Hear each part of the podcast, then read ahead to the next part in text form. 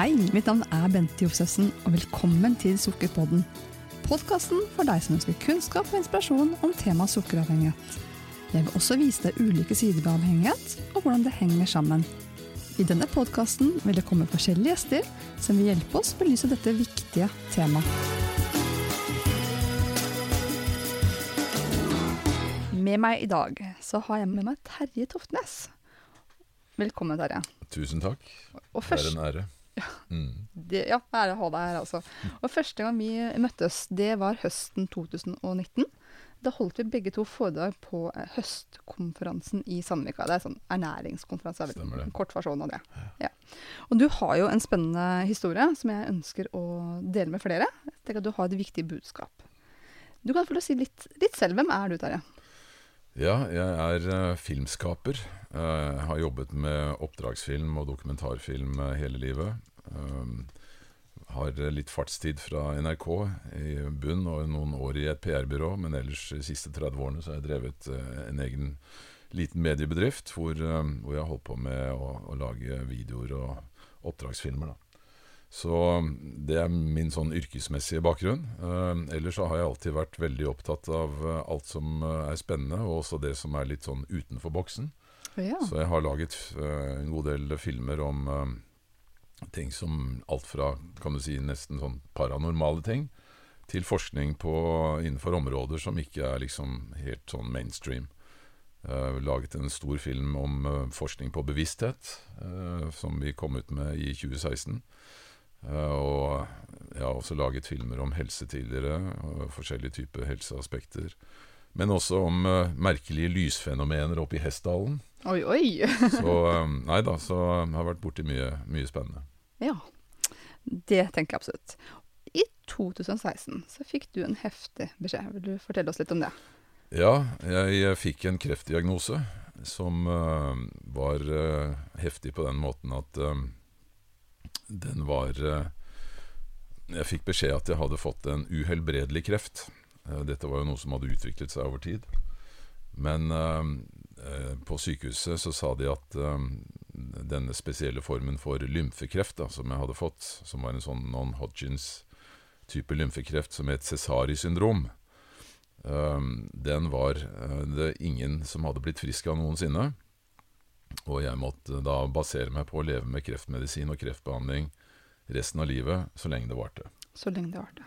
Uh, og da jeg googlet uh, Når jeg kom hjem, så googlet jeg jo uh, denne sykdommen og fant ut at en sånn gjennomsnittlig overlevelse var fra to til seks år. Så jeg fikk jo litt øh, øh, Jeg fikk en litt dårlig følelse, for å si det sånn. Velbegrunnet sådan. Men, øh, men ja, jeg kan jo fortelle mer om detaljene rundt hva som skjedde på sykehuset der, da. Men i hvert fall så var resultatet at åtte måneder etterpå så var jeg kreftfri. Ja. Og den historien skal vi få frem i dag. Mm. Den er faktisk helt unik, tenker jeg. Men la oss gå litt tilbake i tid. For det her, du fikk diagnosen i 2016. Det startet jo egentlig tidligere. Det vet du nå. Ja, altså det første symptomene på at det var noe i kroppen min som ikke var som det skulle være, det kom i, eh, allerede i 2009. Hvor jeg plutselig våknet en morgen, og så så jeg meg sjøl i speilet, så tenkte jeg jøss, du ser ut som en sjiraff.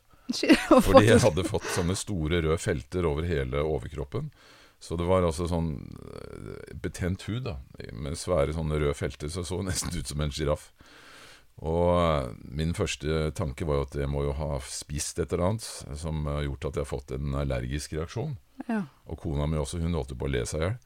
Så hun sa at eh, det var er en slags kamuflasjedrakt du har fått på deg, liksom. Men um, jeg var jo helt sikker på at eh, det var et eller annet jeg hadde spist. Jeg hadde spist noe sushi dagen før, så jeg tenkte det er sikkert noe der. Så dette går fort over. Men uh, det gikk ikke over. uh, og det klødde noe forferdelig. Og eh, uka etter så var det fremdeles, så jeg fremdeles ut som en sjiraff.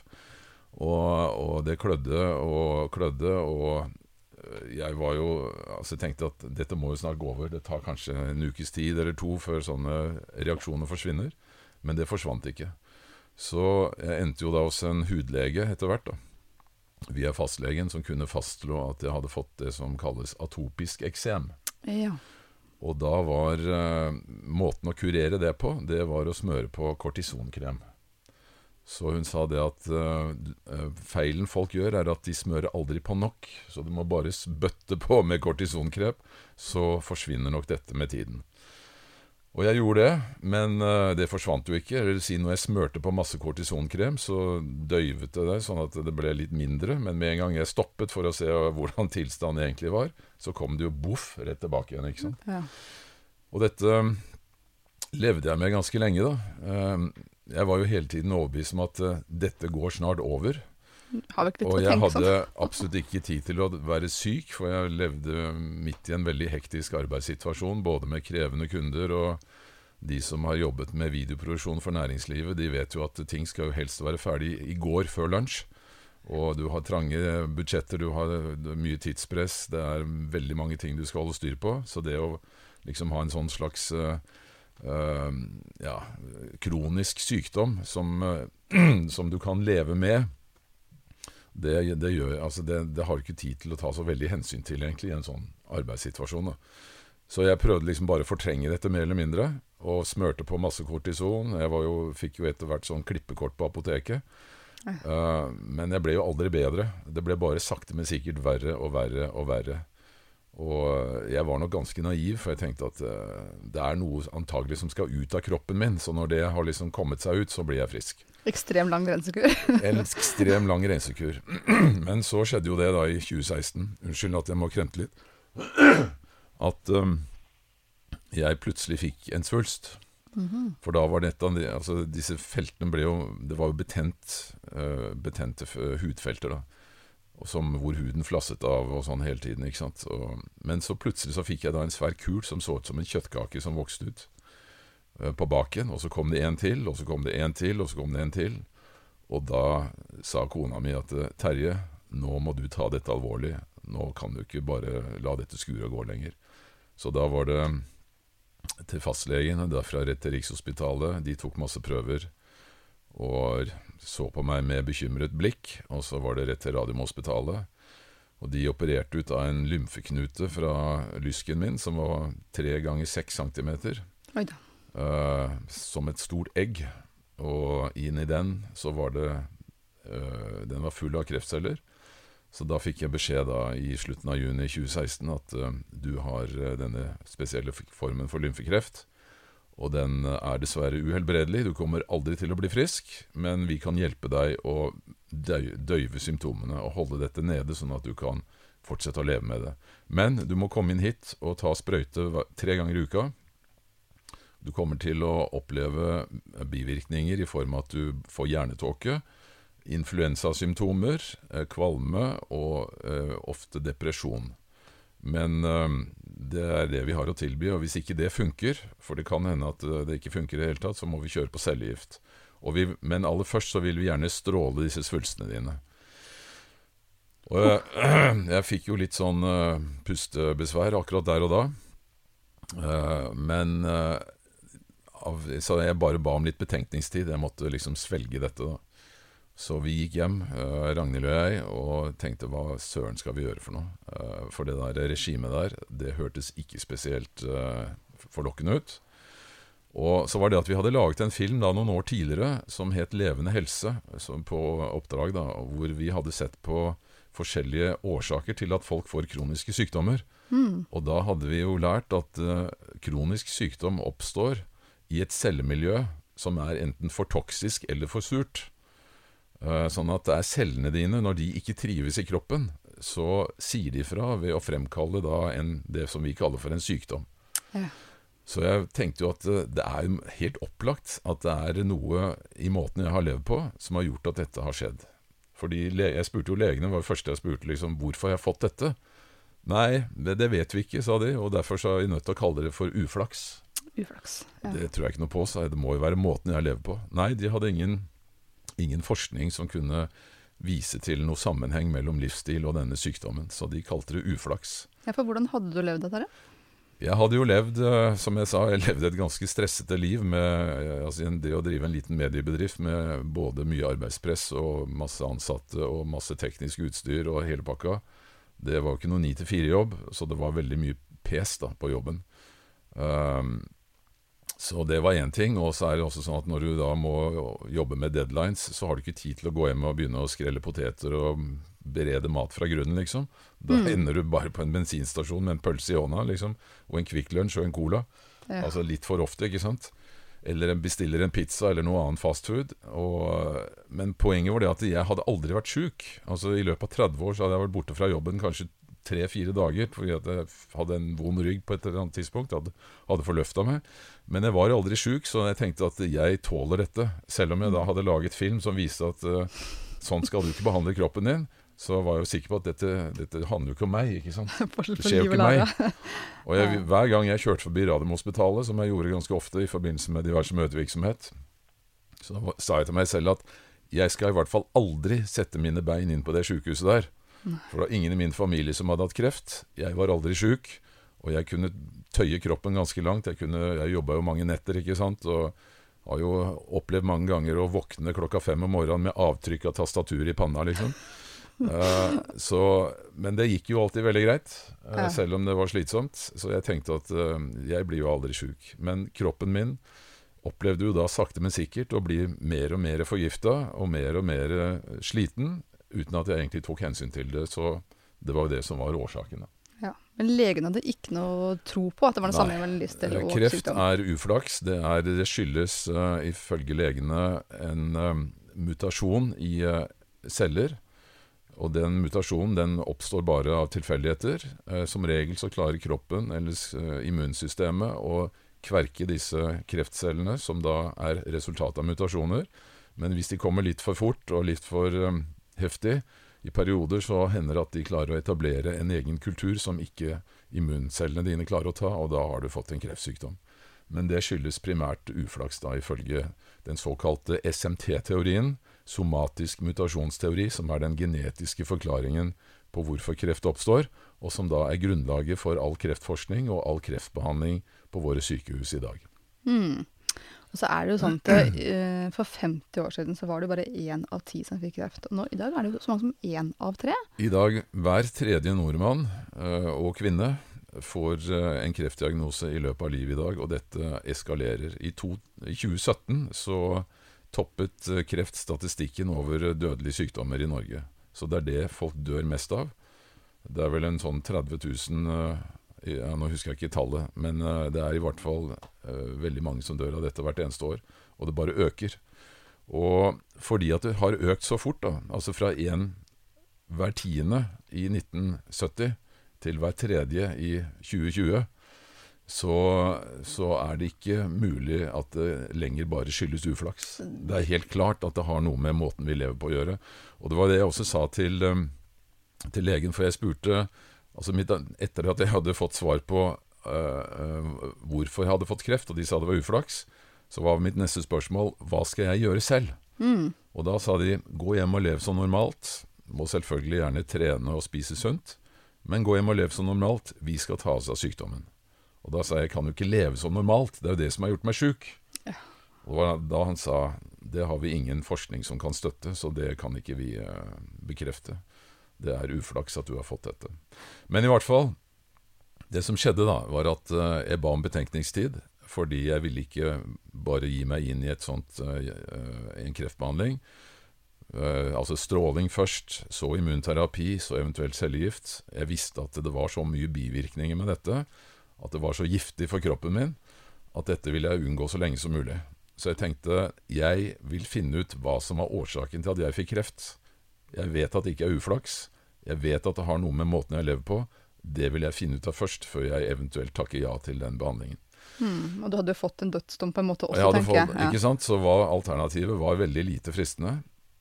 Men jeg var kanskje naiv, men jeg tenkte altså det gikk rett og slett, for å si det på godt norsk, en faen i meg. Jeg tenkte dette skal jeg klare å finne ut av. Ja. Eh, og så hadde jeg da, eh, fordi jeg har vært veldig borti mange forskjellige typer prosjekter, og vært også opptatt av eh, mye alternativ tenkning gjennom livet, så hadde jo jeg en del kontakter i det miljøet. Så ganske raskt så klarte jeg å finne fram til en såkalt eh, En som drev med biologisk medisin. En ernæringsmedisiner som også da var såkalt biopat. Og dette er folk som ser på kroppen og sykdom med litt andre briller enn det eh, vanlige medisinere gjør. Mm. Altså De eh, er ikke ute etter å prøve å få stilt en diagnose fortest mulig, sånn at de kan få deg inn i et, eh, det etablerte systemet med det såkalte pakkeforløpet, som vi ofte kaller det. Ja. Men de er ute etter å prøve å kartlegge hele kroppen din og hele livsløpet ditt, og alt som kan ha innvirkning på hvordan situasjonen i kroppen din er. Og Det foregår da med en del andre metoder enn det som sykehuset bruker. De bruker også en del av de samme metodene som sykehuset bruker. Men det han sa til meg, da, etter at jeg hadde vært gjennom en undersøkelse som tok nesten fire timer, så sa han det at eh, Jeg ser jo at det er en veldig dårlig tilstand i kroppen din, det, det vet du jo fra før av, i og med at du har fått kreft. Men jeg ser at du har veldig dårlig leverfunksjon. Leveren din er nesten som en kjøkkenvifte som ikke har vært rensa på 20 år. Uh, motoren går, men det er veldig dårlig renseeffekt. Ja. Så det første vi må gjøre, er å få renset leveren din. Og så har du en veldig dårlig tarmflora. Du har eh, betennelser i tarmslimhinna, sånn at du har lekk tarm. Sånn at veldig mye av det toksiske innholdet som egentlig skal ut med avføringen, det går tilbake inn i blodbanen og sirkulerer rundt i kroppen din. Og Det har også gjort at du har fått veldig mange sånne systemiske betennelser i kroppen. Og det er det som gjorde at denne, dette utslettet startet opprinnelig.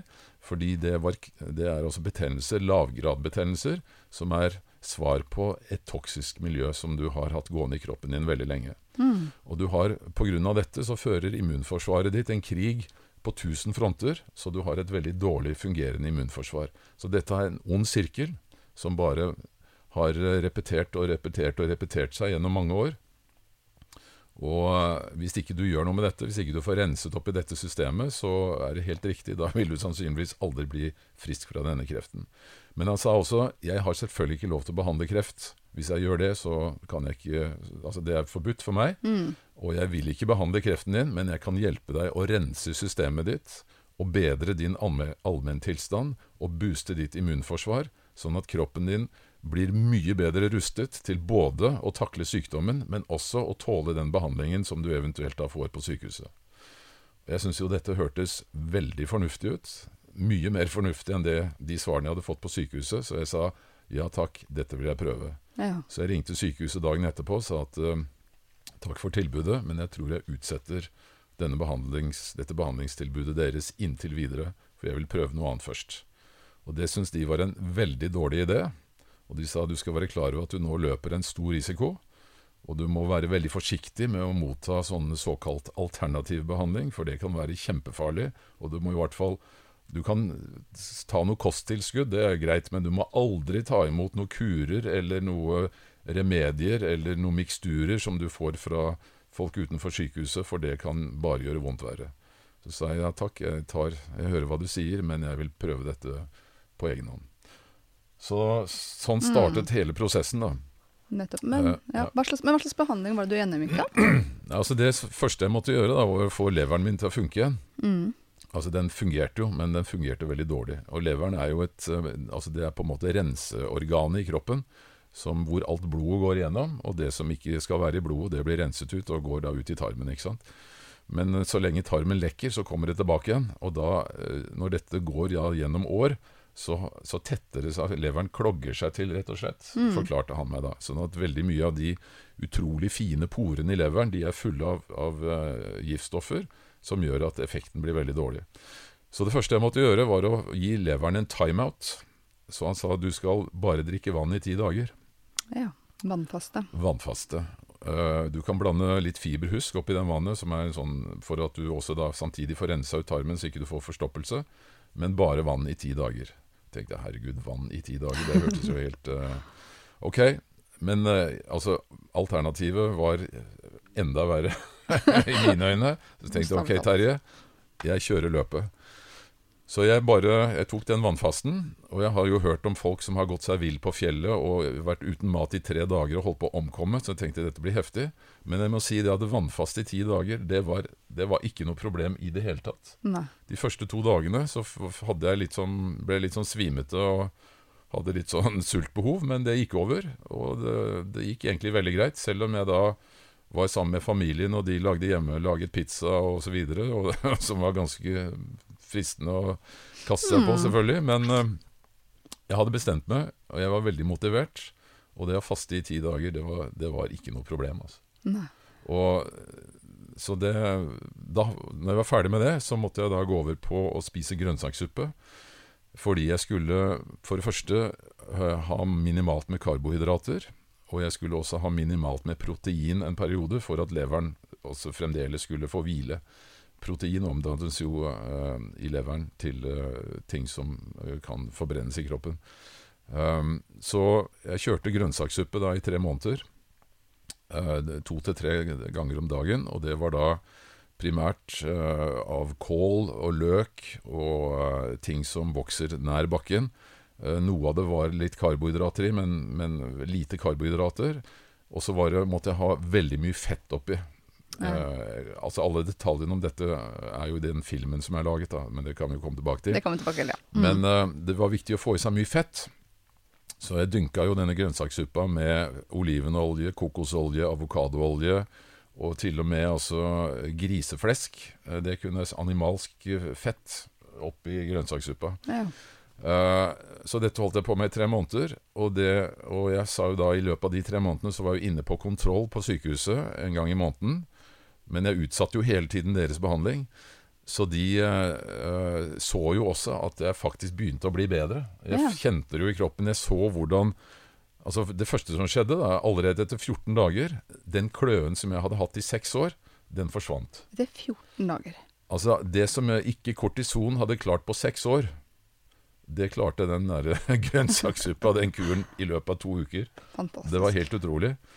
Og jeg skjønte jo etterpå at eh, kortison har jo den effekten at det demper immunforsvaret ditt. Det er jo det som er hele poenget med kortison. At når du får en immunreaksjon, som er en betennelse, Mm. Eh, så tenker da tradisjonell medisin at eh, aha, du har fått en betennelse, den betennelsen må vi dempe. Ok, Vi smører på kortison, som da hemmer immunsystemet ditt, og så, eh, så dempes betennelsen. Men det som skjer, da, er at når du da hemmer immunsystemet ditt, så er det jo masse andre ting som blomstrer opp i kroppen. ikke sant? Mm. Så, så jeg skjønte jo det at, det at, jeg at øh, den, de mengdene med kortisonkrem hadde jo også egentlig bidratt til selve kreftutviklingen, faktisk. Det er Fordi at. Mm. syst, at øh, immunforsvaret mitt var da presset så langt ned pga. den kremen at uh, immuncellene mine ikke klarte å ta disse kreftcellene. ikke sant? Ja. Så det var, hadde egentlig bare gjort det vondt verre, da. Men det som skjedde, var at jeg ble øh, Begynte å, å se forskjeller. Altså den huden begynte å reparere seg. For jeg hadde jo utslett altså på magen, på rumpa, lårene, nedover på føttene.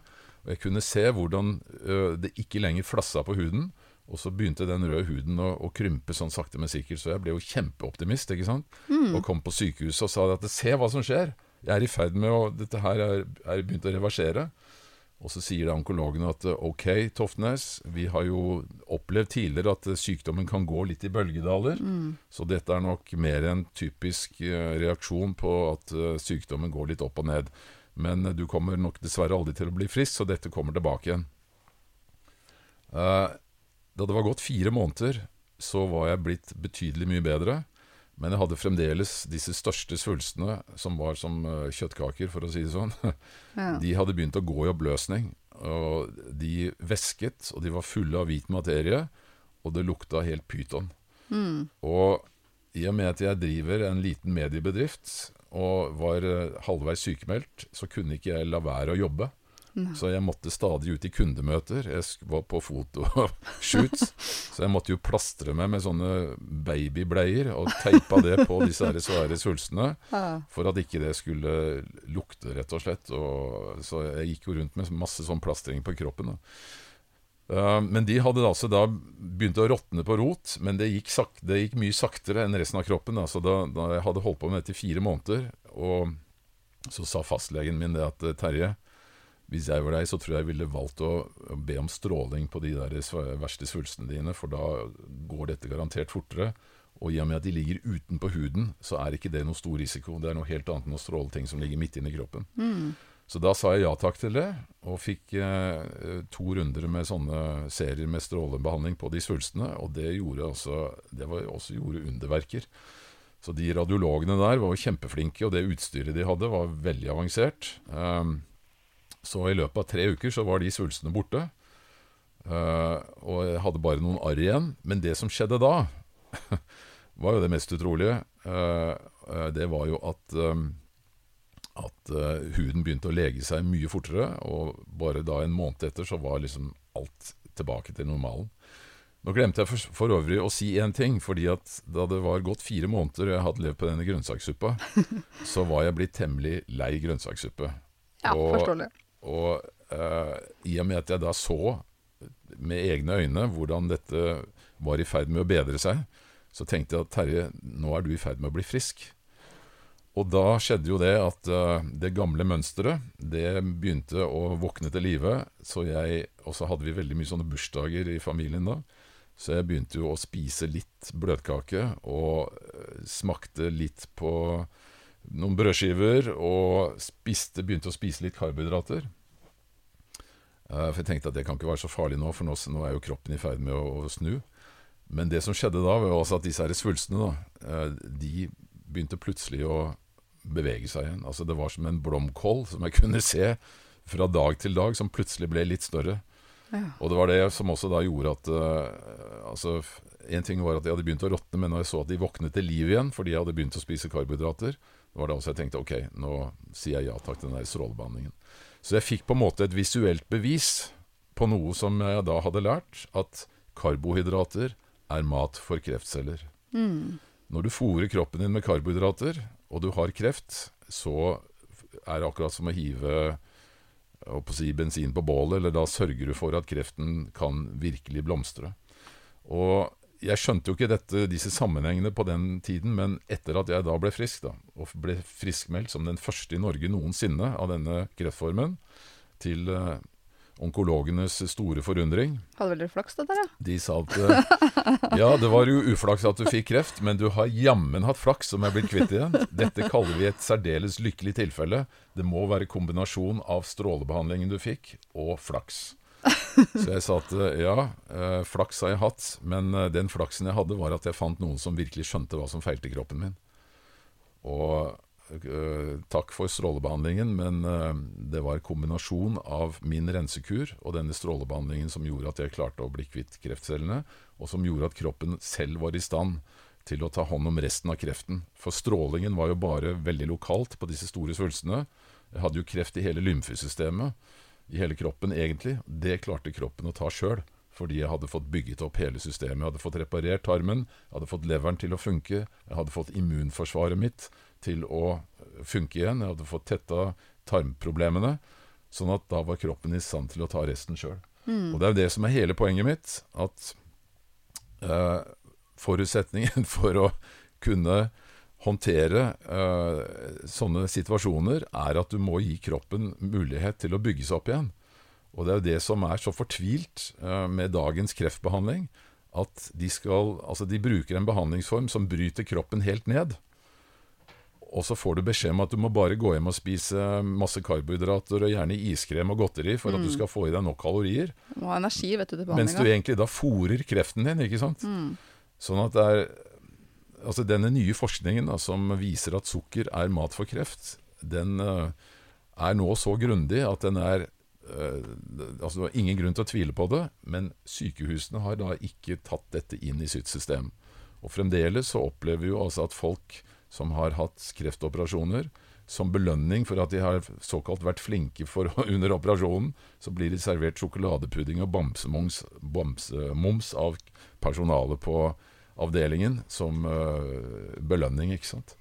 Og det er, altså det er, ja, det er helt ubeskrivelig. Det er så dumt som det går an å få blitt, men uh, sånn er systemet. Sånn er systemet, det er helt riktig. Og, og det interessante her er at i etterkant så tenkte du at dette budskapet må ut. Så du satte i gang med et uh, ganske heftig prosjekt for å filmatisere og dokumentere. Altså, Da jeg var blitt frisk og fikk bekreftelsen, for de tok en sånn benmargsbiopsi da etter uh, åtte måneder, og fant ut at jeg da ikke hadde kreftceller igjen. Det syntes jo de var helt merkelig, men de måtte jo bare gratulere meg, da. som den første i Norge noensinne som har blitt eh, kvitt dette. Og da eh, tenkte jeg at eh, jeg skrev jo under på en sånn erklæring når jeg kom inn på sykehuset første gangen at jeg stilte meg til rådighet for forskning. Så da sa jeg til onkologen at jeg regner med nå at forskningsavdelingen tar kontakt med meg, i og med at jeg har klart å bli kvitt denne sykdommen som den første. Og da sa han jo da at um, Du skjønner det, Toftnes, at vi har så mye å gjøre her at vi har mer enn nok med å forske på de som blir syke. Vi har ikke tid til å forske på de som blir friske. Hmm. Ja, Men herregud, sa jeg, kan jo hjelpe mennesker som har samme sykdommen her. Ja, nei, det, det, det, kunne ikke de begynne å liksom ta inn sånne merkelige behandlingsmetoder som jeg hadde gjort. Det passa ikke inn i systemet. Så tenkte jeg at ok, uh, takk for meg, men uh, på veien ut døra da så tenkte jeg fader ulland, altså. Jeg, dette her kan ikke jeg bare holde for meg selv. Dette må jeg fortelle. Og da, i og med at jeg da har hatt som yrke å lage film, så var veien til å lage en film om dette veldig nærliggende. Og det startet jo egentlig da, håper jeg, del to av den historien. Mm. For da måtte jeg prøve å gå mer inn i medisinen og inn i biologien og finne ut uh, både for, for det første hvorfor ble jeg syk, og så hvorfor ble jeg frisk? Og den reisen der, som da varte i et par år, den var utrolig spennende. Altså. Og ja. det ble det resultatet ble, denne, ble, da denne filmen som heter 'Fri fra kreft', som vi har nettopp hatt premiere på. da. Har med her i dag også. Denne kan virkelig anbefales. Vi skal ta en liten snutt om den til slutt også, Tarjei.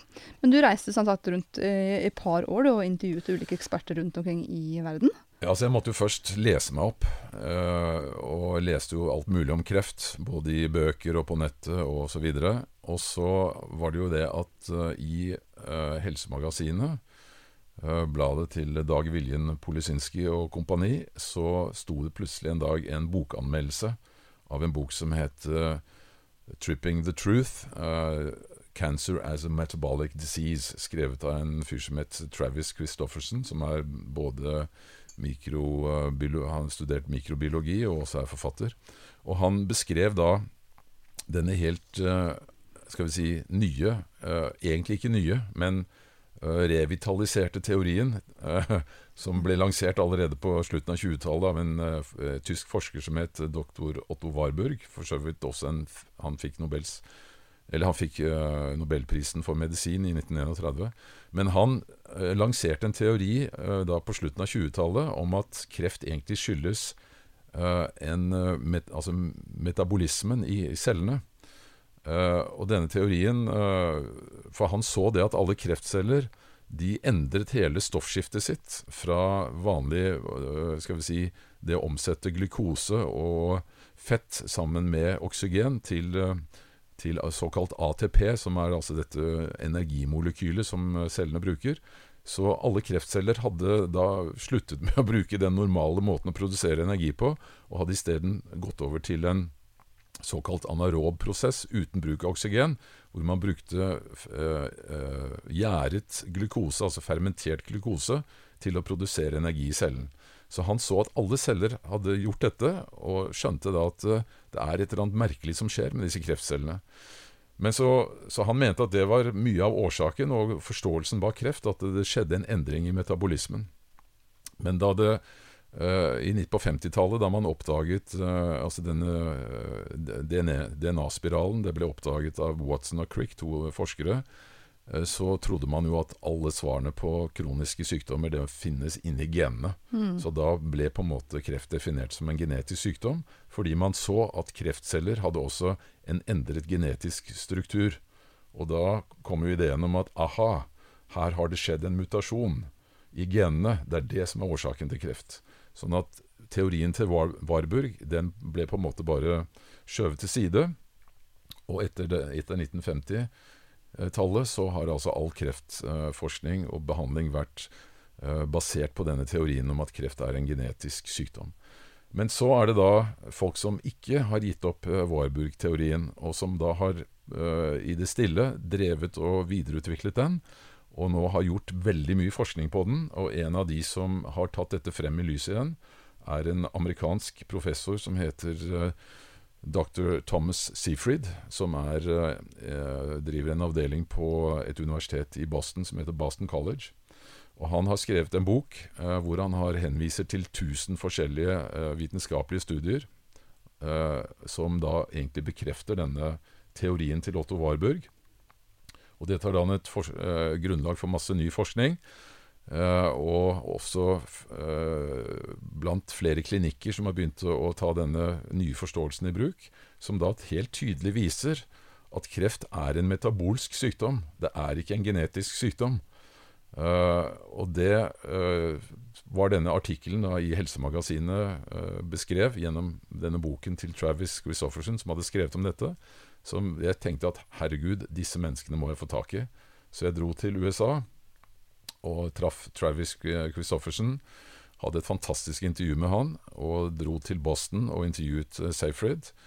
Og det intervjuet med han var helt utrolig. Altså, jeg følte jo når jeg gikk ut derfra at jeg hadde dynamitt i kofferten. Det tenkte jeg så vidt jeg slipper gjennom uh, kontrollen på flyplassen, omtrent. Det var helt utrolig. Altså. Og så var jeg også oppe i Canada og traff en uh, fyr som uh, forsker på mitokondrier. Som har skrevet en bok om uh, mitokondriene, for de er helt sentrale i, i denne nyforståelsen. Da. Og så var jeg i Tyskland og besøkte en kreftklinikk. Eh, Doktor Thomas Rau, som driver en, kl- en eh, klinikk eh, som behandler kreftpasienter etter denne nyforståelsen. Og jeg var også i Sverige og, bes og besøkte flere eh, som eh, jobber med dette der. Og også en del i Norge. Sånn at totalt sett så fikk jeg på en måte samlet mye kunnskap. Og har da samlet dette i, i denne filmen 'Fri fra kreft', som med all tydelighet viser at eh, dagens eh, forståelse av kreft, som vi fremdeles da bruker på våre sykehus, sannsynligvis ikke er helt riktig. Det er en annen Altså når man går ned på molekylnivå, og så forstår man at biolo de biologiske prosessene de er faktisk annerledes enn det vi har trodd hele tiden. Så dette er ganske revolusjonerende. Det er et snakk om et eh, enormt paradigmeskifte innenfor kreftforståelse. Men nettopp derfor så er det også så utrolig mye motstand mot det. Det kan vi komme tilbake til. Ja. Men det å lansere en sånn ny teori, eller egentlig relansere en teori som har vært der hele tiden, det er også de som gjør dette nå, de sier at eh, når du forteller dette på en konferanse, så er det nesten som eh, å snakke til en ja, som han sa, it's like talking to a plug socket. Altså, du kan like godt snakke til støpsel i veggen. Det er like lydhørt. Uh, så det er veldig vanskelig å, å kunne endre sånne veldig etablerte systemer som er basert på etablerte dogmer som på en måte alle har godtatt, og komme med en helt ny forklaringsmodell. Det, er, det tar tid å få det eh, godtatt, og det tar tid å frembringe all den forskningen som trengs for å komme gjennom alle de filterne som, som da du må gjennom for å få dette inn i, i helsesystemet. Da. Men eh, de er på god vei, og jeg er jo et levende bevis på at det funker. For det var jo det som, som egentlig da jeg fulgte, den samme prosedyren. Og det er veldig mange klinikker nå i Europa og i eh, USA som følger disse eh, metabolske behandlingsmetodene, som har fantastiske resultater. Folk blir friske, og de blir ikke forgiftet av vanlig kreftbehandling. De får ikke de samme bivirkningene, de samme senvirkningene. Så dette er en helt ny æra innenfor kreft. Men det tar tid før det når inn i vårt system. Da. Ja, Vi snakket jo litt i forkant av at vi gjorde denne innspillingen også, dere, om eh, at jeg ser noen paralleller til nettopp det fagfeltet jeg jobber med også, det med sukkeravhengighet. At det, det er jo så mye forskning på det her, men det er altså sånn at innenfor det tradisjonelle helsevesenet så sier man at det ikke eksisterer, og Mm. det handler ofte om at de har ikke satt seg inn i det. Og jeg ser jo noen paralleller til det du, det du snakker om også. At det at man ikke kjenner til, eh, tar det sånn er like seg Det fins ikke. Mm. ikke sant? Istedenfor på en måte kanskje å være nysgjerrig. da. Ja. På å ta til seg ny kunnskap og være åpen til syns på at kan det være noen sammenhenger her vi Mm. ikke kjenner til. Men altså, jeg har jo stusset veldig mye på hvorfor, eh, hvorfor det tar sånn tid for å, å få denne kunnskapen inn i systemet. Og jeg må si at eh, på en måte så skjønner jeg det, fordi eh, altså All kreftbehandling handler jo om menneskers liv. Og det er helt klart at når du skal drive og behandle mennesker som står med ene beinet i grava, så har du ikke, du har ikke råd til å gjøre noe feil. Mm. Og du har ikke tid til å gjøre noe feil. Så all behandling må være basert på, eh, på eh, solid vitenskap. Og du må behandle med medikamenter og prosedyrer som du har god vitenskapelig eh, dekning for at virker. Så det å eksperimentere med behandlingsmetoder, det passer ikke inn i skal vi si, det etablerte offentlige behandlingssystemet. Og det må vi på en måte være veldig glad for, fordi det beskytter oss mot useriøse behandlere. Mm. Men ulempen med det er at det beskytter oss også mot nye, ferske tanker. Ting som kan virke, faktisk. Som faktisk virker. ja. Og det er det som er dilemmaet her. ikke sant? At du på den ene siden har satt opp en brannmur mot det som kan være skummelt og farlig, men den muren er så tjukk at det som er bra, det slipper heller ikke gjennom. Eh, og det er altså et slags etisk dilemma. da. Som, uh, og I tillegg så har du en uh, helsesektor som er veldig presset, fordi at folk blir bare sykere og sykere.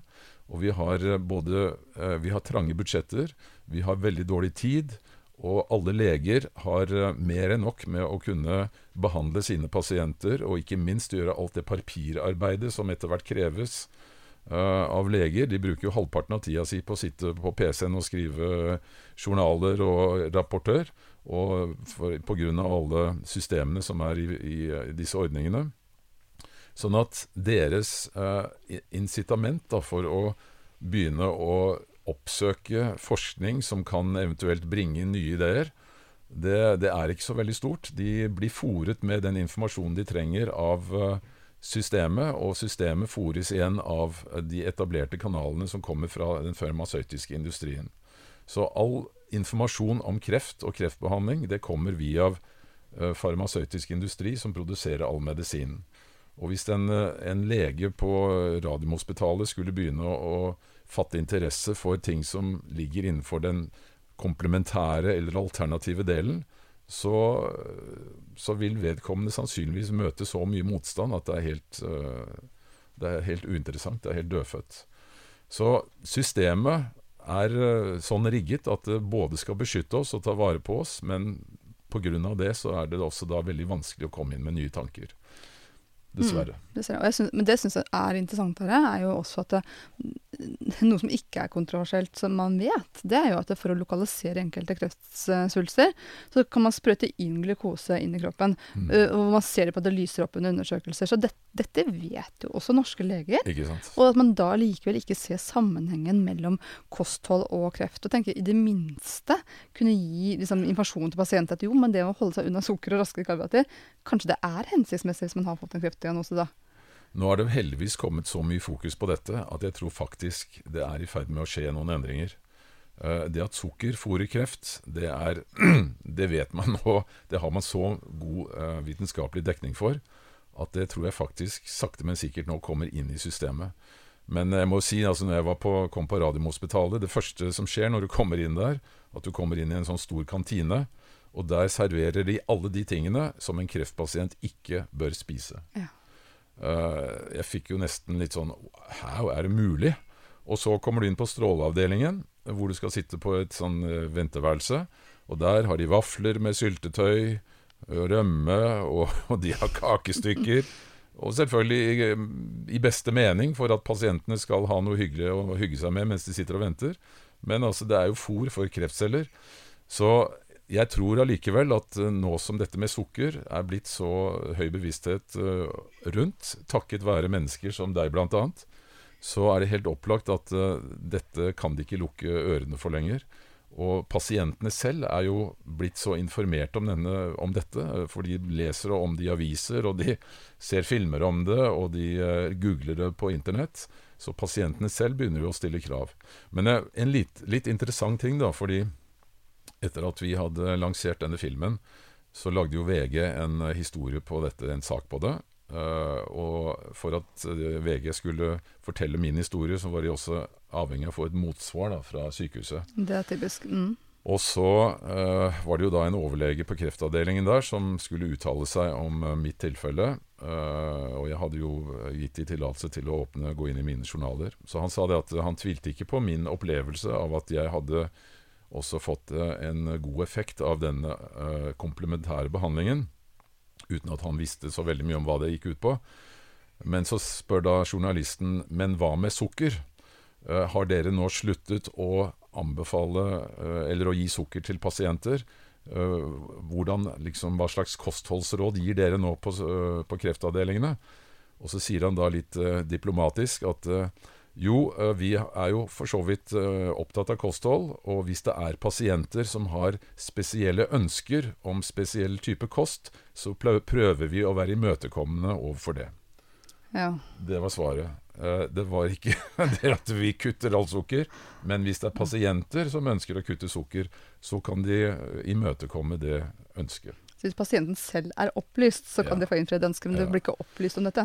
Ja, så nå skal ikke jeg sitte her og, og sverte Radiumhospitalet, fordi eh, jeg må også si at eh, herregud, det er jo fylt av mennesker som gjør alt de kan for å hjelpe pasientene. Så det er jo ikke manglende vilje det, det står på, men det er noe med hele systemet som, eh, som jeg eventuelt kritiserer. Jeg vil ikke kritisere de menneskene som jobber der, for de opplever det som genuint interessert i å gjøre alt det de kunne for sine pasienter.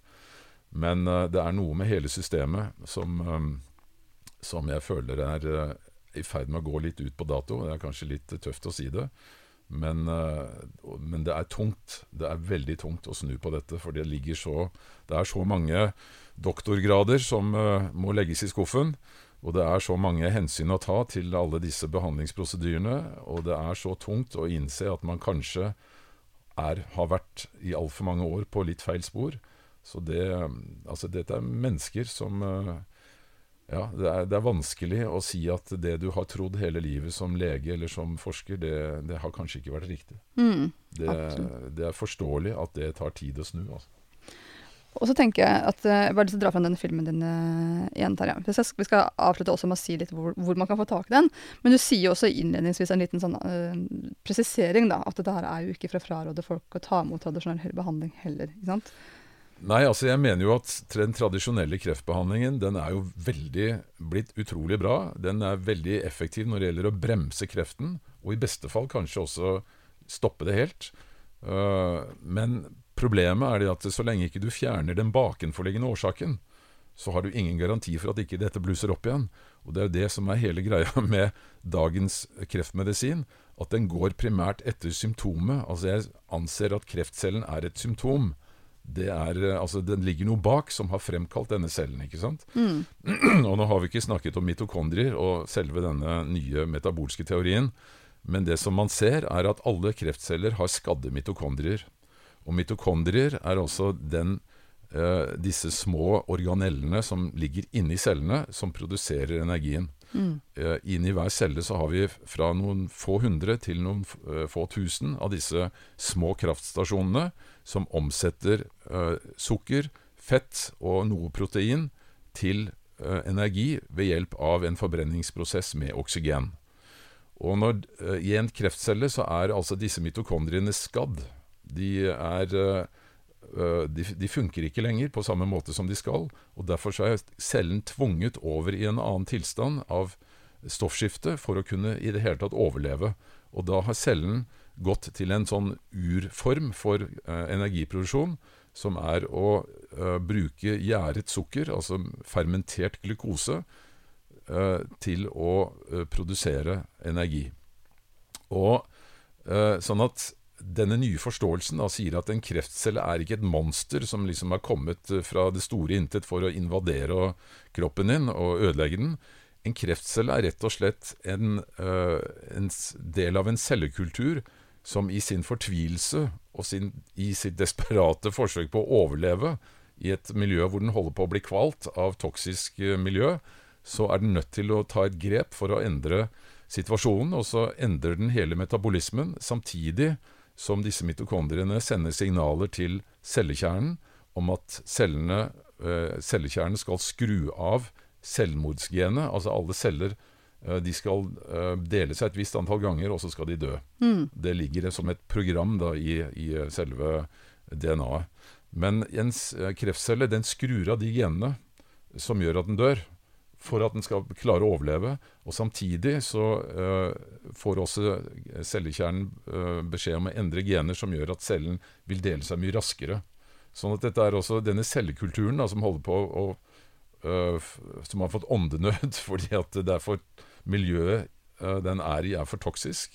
Den må da ta en del grep for å prøve å overleve, og så blir den til eh, omdanner cellene til det vi kaller kreftceller, og som da bygger sitt eget revir, eller sitt eget reir, som vi kan kalle en svulst, og som da klarer å leve og overleve i dette toksiske miljøet. Så det er rett og slett en desperat handling fra fortvilte celler. Ja. Det er ikke et monster som har invadert kroppen din. Ved rein uflaks. Og da er det jo helt logisk Hvis du skal reversere dette, så er det to ting du kan gjøre. Du må endre cellemiljøet. Og så øh, øh, det, det første du selv, selvfølgelig må gjøre, er å strupe skal vi si, det drivstoffet. Du må stoppe tilførselen av drivstoff til kreftcellene, sånn at de svekkes. Og det gjør du da ved å kutte sukkerinntaket, i og med at de bare trenger Altså de, de trenger bare eh, sukker for å overleve. De kan også eh, bruke noe glutamin, så man utvikler nå også eh, eh, skal vi si, metoder for å stoppe eh, glutamintilgangen. Glutamin er jo en am aminosyre som vi har mye av i kroppen, som også disse cellene kan bruke da i nødsfall. Men å stoppe tilførselen av glukose og glukamin, glutamin, det gjør at cellen svekkes, og dermed er den mye lettere å ta for immunsystemet. Så det er liksom det første du gjør for å slukke brannen, og så må du endre cellemiljøet ditt og få det friskt igjen, og da kan altså rett og slett kreften reversere, og det var det som skjedde i mitt tilfelle. Kroppen klarte selv å helbrede seg ved at jeg fikk endret cellemiljøet og stoppet tilførselen av drivstoff til kreftcellene. Jeg, ten- jeg tenker at du har en fantastisk historie, Terje, og jeg er så glad på dine vegne at du fant en, fant en vei ut av en, en så alvorlig diagnose som du fikk. Og at du har eh, i etterkant nå dokumentert det du har gjort. Og jeg tenker at det er for de som ønsker å høre hele historien, for den her er veldig, veldig interessant og lærerik, så tenker jeg at den, din film 'Fri fra kreft' eh, kan jeg i hvert fall på det varmeste anbefale. Jeg har jo selv sett den. Og, eh, men hvor får man tak i filmen hvis man vil se denne filmen? Frifrakreft.no. Frifrakreft i ett ord.no. Der kan man eh, streame filmen. Der kan man også bestille en DVD-kopi hvis man vil. Um, vi, altså mitt ønske er jo å få denne filmen ut til flest mulig så fort som mulig. Um, vi har eh, vært nødt til å lage en sånn streamingtjeneste fordi vi har eh, Vi er nødt til å dekke noen av de produksjonsomkostnadene vi hadde. De kostnadene vi hadde Når vi satte i gang dette prosjekt, prosjektet, så prøvde vi å få til en sånn crowdfunding. Så vi fikk en, en, eh, en god del penger der, men det var ikke nok til å dekke mer enn kanskje 25% av kostnadene. Så derfor så har vi vært nødt til å be folk om å betale litt for å se filmen. Uh, når vi får dekket opp det, så vil vi kanskje heller bare slippe den fullstendig fri. Men uh, jeg håper jo allikevel at folk er eh, villige til å betale en drøy femtilapp for å, å se den.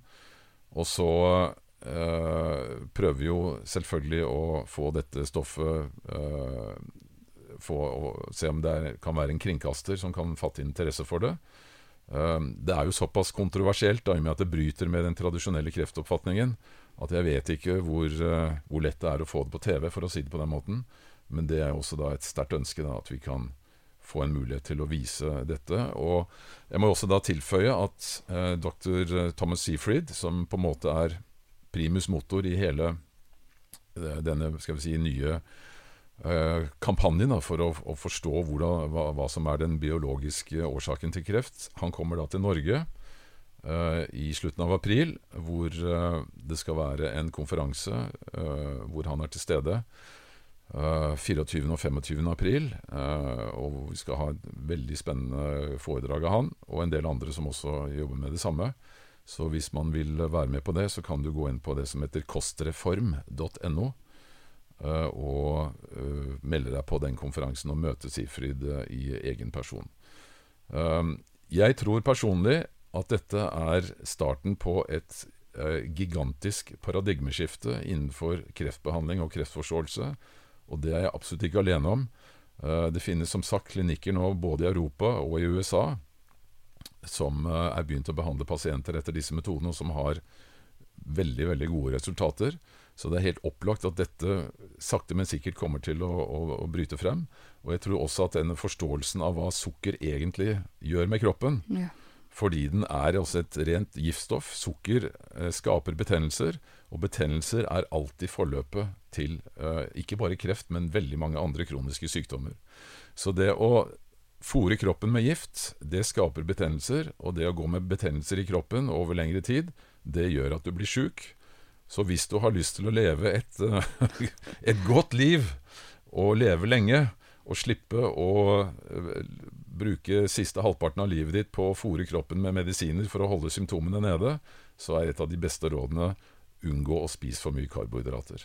Mm. Vi kan leve så utrolig bra og spise alt mulig annet. Og jeg får jo nå spørsmål selvfølgelig fra folk.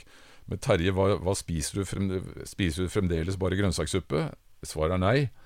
Jeg har jo gått over til å spise uh, mer skal vi si, ikke akkurat normal mat, men jeg spiser, jeg spiser kjøtt. Kjøtt inneholder ekstremt mye næringsmidler. Jeg spiser fugl, jeg spiser fisk, jeg spiser grønnsaker. Helst da grønnsaker som, som uh, ikke er de, mest, uh, de som inneholder mest karbohydrater. Og jeg spiser frukt, også, men ikke den frukten som er den søteste. Og jeg spiser mye bær, og jeg spiser mye nøtter. Frokosten består gjerne av egg og bacon. Mm. Eh, fantastisk. Uh, masse næringsmidler. Mye Altså, fett er jo kjempebra. Og her har vi også en sånn typisk myte, ikke sant? Oh yes. altså, vi har blitt fortalt da i 50 år at fett er ikke bra for kroppen. Du får uh, høyt kolesterol, du får tette blodårer.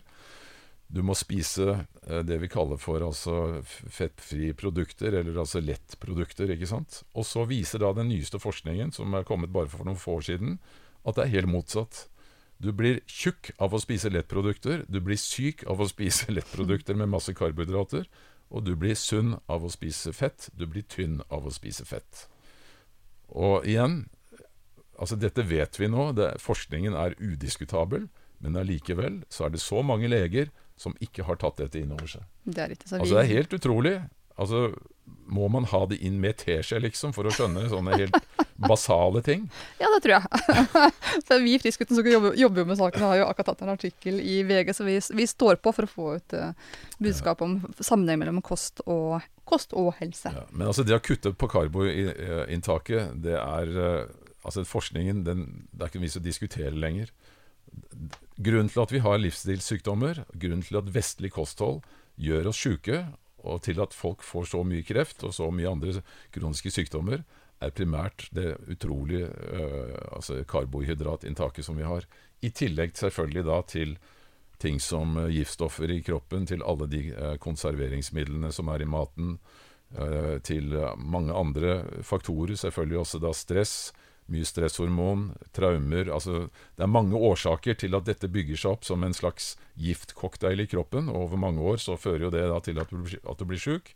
Men dette finnes det nå så mye god kunnskap om, og det finnes så mange gode metoder på hvordan du kan reversere dette, så det burde ikke være noe hokus pokus lenger. Vi får bare håpe at uh, vår medisinske ekspertise også begynner å, å ta dette mer seriøst. Mm.